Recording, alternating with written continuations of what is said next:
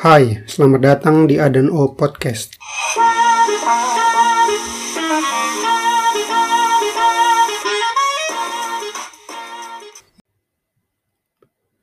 Sebuah daerah di Austria bernama Isgal mulanya hanya dikenal oleh para pecinta olahraga musim dingin dari berbagai penjuru dunia.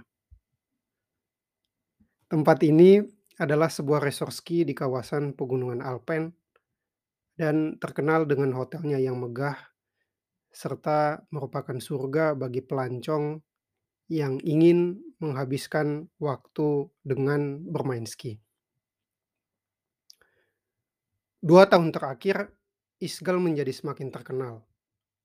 Namun, bukan sesuatu yang membanggakan bagi dunia pariwisata Provinsi Tirol, Austria. Justru sebaliknya. Berawal pada Maret 2020 dengan infeksi massal virus corona yang menyerang ratusan orang dari berbagai negara di sebuah bar, citra Isgal menjadi buruk dan nama kota ini kerap disebut dalam beberapa siaran pers langkah-langkah penanganan virus corona. Isgal dan corona kemudian menjadi dua kesatuan yang tak terpisahkan. Setidaknya bagi negara-negara berbahasa Jerman. Para petinggi negara, politisi, serta pengambil kebijakan memperingatkan warga agar berhati-hati sehingga bisa terhindar dari terjadinya kembali Isgal yang kedua. Einen zweiten Isgal. Serupa dengan nama resort ski pegunungan Alpen tadi, terdapat banyak kata-kata baru bahasa Jerman yang terbentuk sejak pandemi corona melanda. Kata-kata tersebut menambah makna, nuansa, atau membentuk ungkapan baru. Sebut saja kata Welle, di Welle, yang biasanya diasosiasikan dengan liburan karena mengingatkan orang akan gerakan air laut yang berombak di sebuah pantai, kini lebih sering kita dengar karena dihubungkan dengan lonjakan angka infeksi corona. Selanjutnya, kita semakin akrab dengan anjuran pemerintah untuk mengikuti vaksin ketiga yang dikenal dengan sebutan booster. Kata yang sebelum hadirnya virus corona hanya ditemukan dalam bidang teknik dan elektronik. Ini menjadi semakin menarik lantaran semakin banyak kata baru yang bermunculan dan menambah perbendaharaan kata sekaligus membentuk makna baru di dalam bahasa Jerman. Bahasa memang tidaklah statis. Bahasa berubah mengikuti perkembangan zaman dan menjadi lumrah jika terbentuk kata-kata baru atau penambahan makna baru pada kata-kata yang telah ada. Apalagi dengan peristiwa bersejarah seperti krisis corona ini, seolah semakin menegaskan hal itu. Kita kemudian menemukan kata-kata baru di dalam bahasa Jerman yang baru terbentuk saat pandemi ini, seperti kata anti-corona demonstration hingga Zoom party. Pandemi COVID-19 memang mempengaruhi berbagai aspek kehidupan manusia. Kesehatan, pekerjaan, keluarga, dan waktu libur.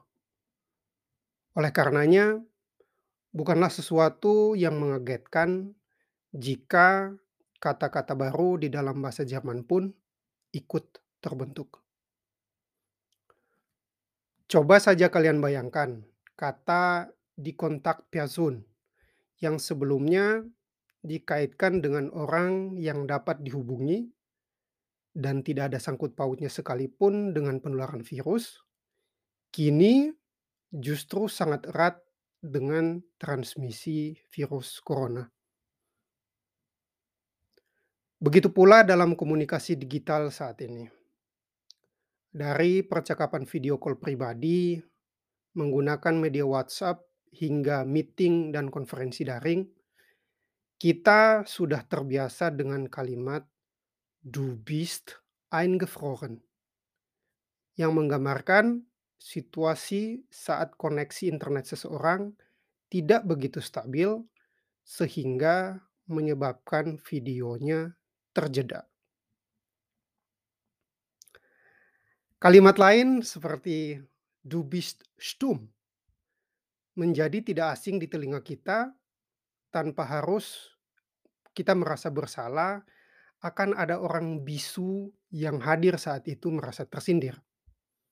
Karena ungkapan ini hanya ingin menyatakan bahwa pelantang lawan bicara kita sedang berada dalam mode senyap mikrofonnya tidak sedang aktif. Istilah-istilah baru lain yang berkaitan dengan penanganan pandemi COVID-19 seperti 3G, 3G, 3G, getestet, geimpft, genesen, juga menjadi istilah yang kendati pun relatif baru, namun bisa dengan cepat dipahami oleh khalayak ramai tanpa harus tertukar dengan istilah 3G, 3G, 3G pada bidang telekomunikasi yang telah ketinggalan zaman itu. Ini membuktikan bahwa kita sebagai manusia diberkahi dengan kemampuan untuk cepat beradaptasi dan menjawab tantangan zaman untuk berkomunikasi sesuai dengan perkembangan saat ini. Nah, begitupun seharusnya dengan bahasa Jerman serta bahasa pada umumnya.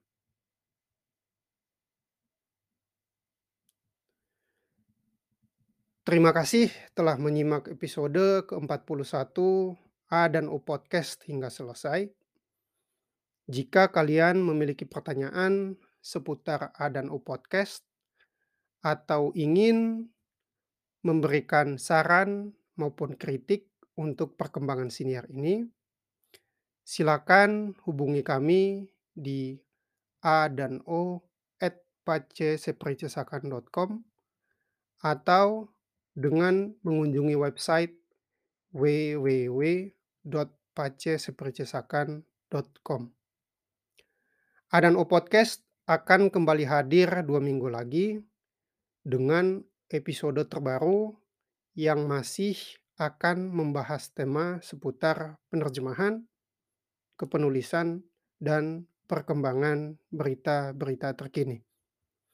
Terakhir, subscribe Adan O Podcast dan bagikan episode-episode yang menurut kalian menarik untuk didengarkan oleh teman, kerabat, atau kenalan kalian yang mungkin akan mendapatkan manfaat dari siniar ini. Jangan lupa juga untuk memfollow akun Instagram kami di @adanoaustria untuk mengetahui lebih banyak lagi tentang dunia penerjemahan dan penjuru bahasaan. Terima kasih.